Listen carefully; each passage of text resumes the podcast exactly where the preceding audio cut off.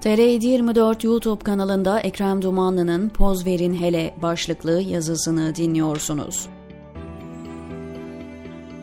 AKP ve MHP'li vekiller sansür yasasını meclisten geçirdikten sonra hatıra fotoğrafı çektirmiş.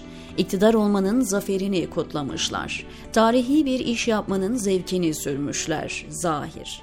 Her ne kadar insanlar feryadu figan etse de aman yapmayın hapishaneler dolar taşar dese de aldırmamışlar. Hatta Avrupa Parlamentosu ve Birleşmiş Milletler'in keyfi uygulama uyarısını bile dikkate almamışlar. Ülkenin dünyaya rezil olmasını umursamamışlar.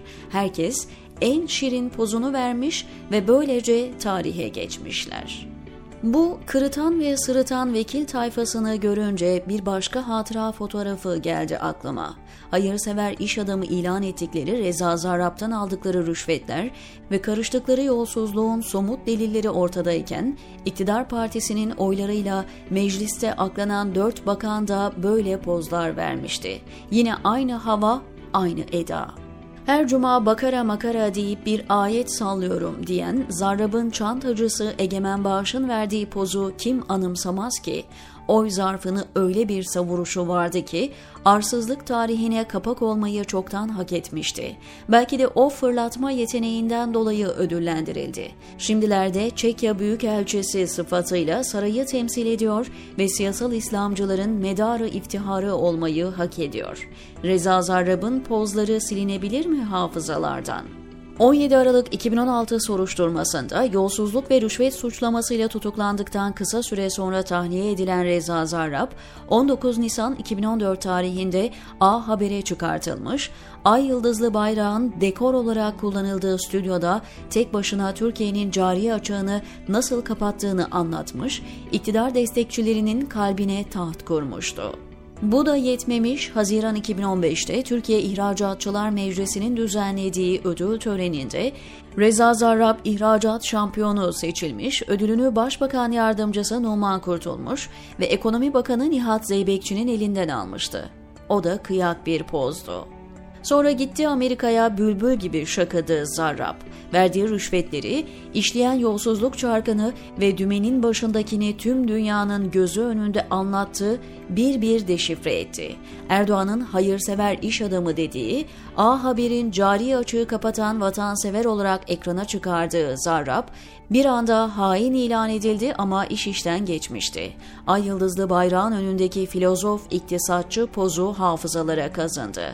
Söz bayrak önünde poz vermeye gelir, dayanır da İçişleri Bakanı'ndan bahsedilmez mi hiç? Bütün mafya, dolandırıcı ve dahi uyuşturucu baronlarıyla fotoğrafı bulunan Bakan Süleyman Soylu'nun poz verme konusundaki mahareti tartışılmaz. Adam bayram namazını kameralar karşısında kılayım dedi de imam dahil bütün cemaat secdeyi, rükûu, kıyamı birbirine karıştırdı. Ay yıldızlı bayrağı siper edinme sırası geçen hafta Soylu'ya devredilmişti. Canlı yayında laf döndü dolaştı, sansür yasasına geldi. Soylu, Dubai'de dijital tecritte olan Sedat Peker'den kurtulmuş olmanın da verdiği coşkuyla esip görülüyordu. Tam o esnada bayrak adamın dazlak kafasına düşmez mi? O düşen bayrak kaderin bir remziydi. İdrak eden var mıydı?'' Havuz medyasının verdiği pozlar da dikkatten kaçmıyor. Neymiş? Dezenformasyon yasası meclisten geçmiş. Sanırsın bayram yapacaklar. Kimse demiyor ki bire köfte horlar, yalan sizde, iftira sizde, halkı kine teşvik sizde, hiç mi aynaya bakmıyorsunuz? Biri bir gün bu yasaları sizin aleyhinize kullansa sizi okçu Bilal mi kurtaracak?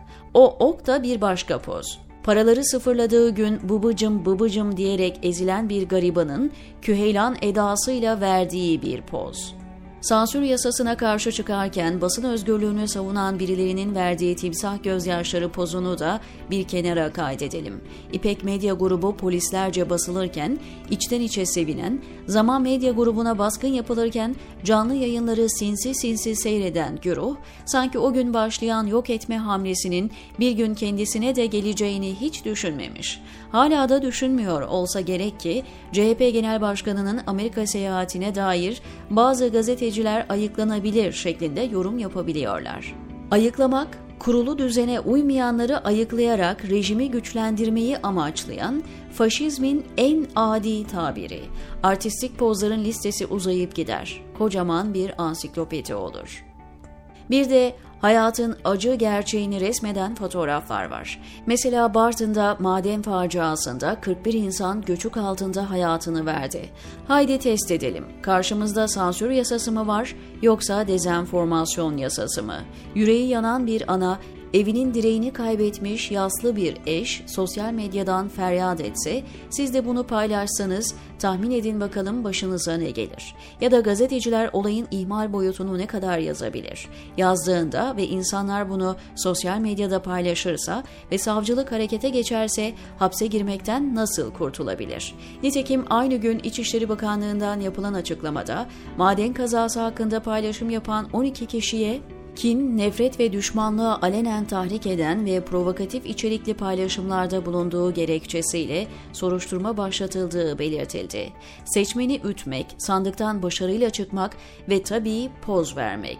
Siyasetin kısır döngüsü bu. Ama merak etmeyin, bu uğursuz döngünün sonu çok yakın, diyor Ekrem Dumanlı, TR724'deki köşesinde.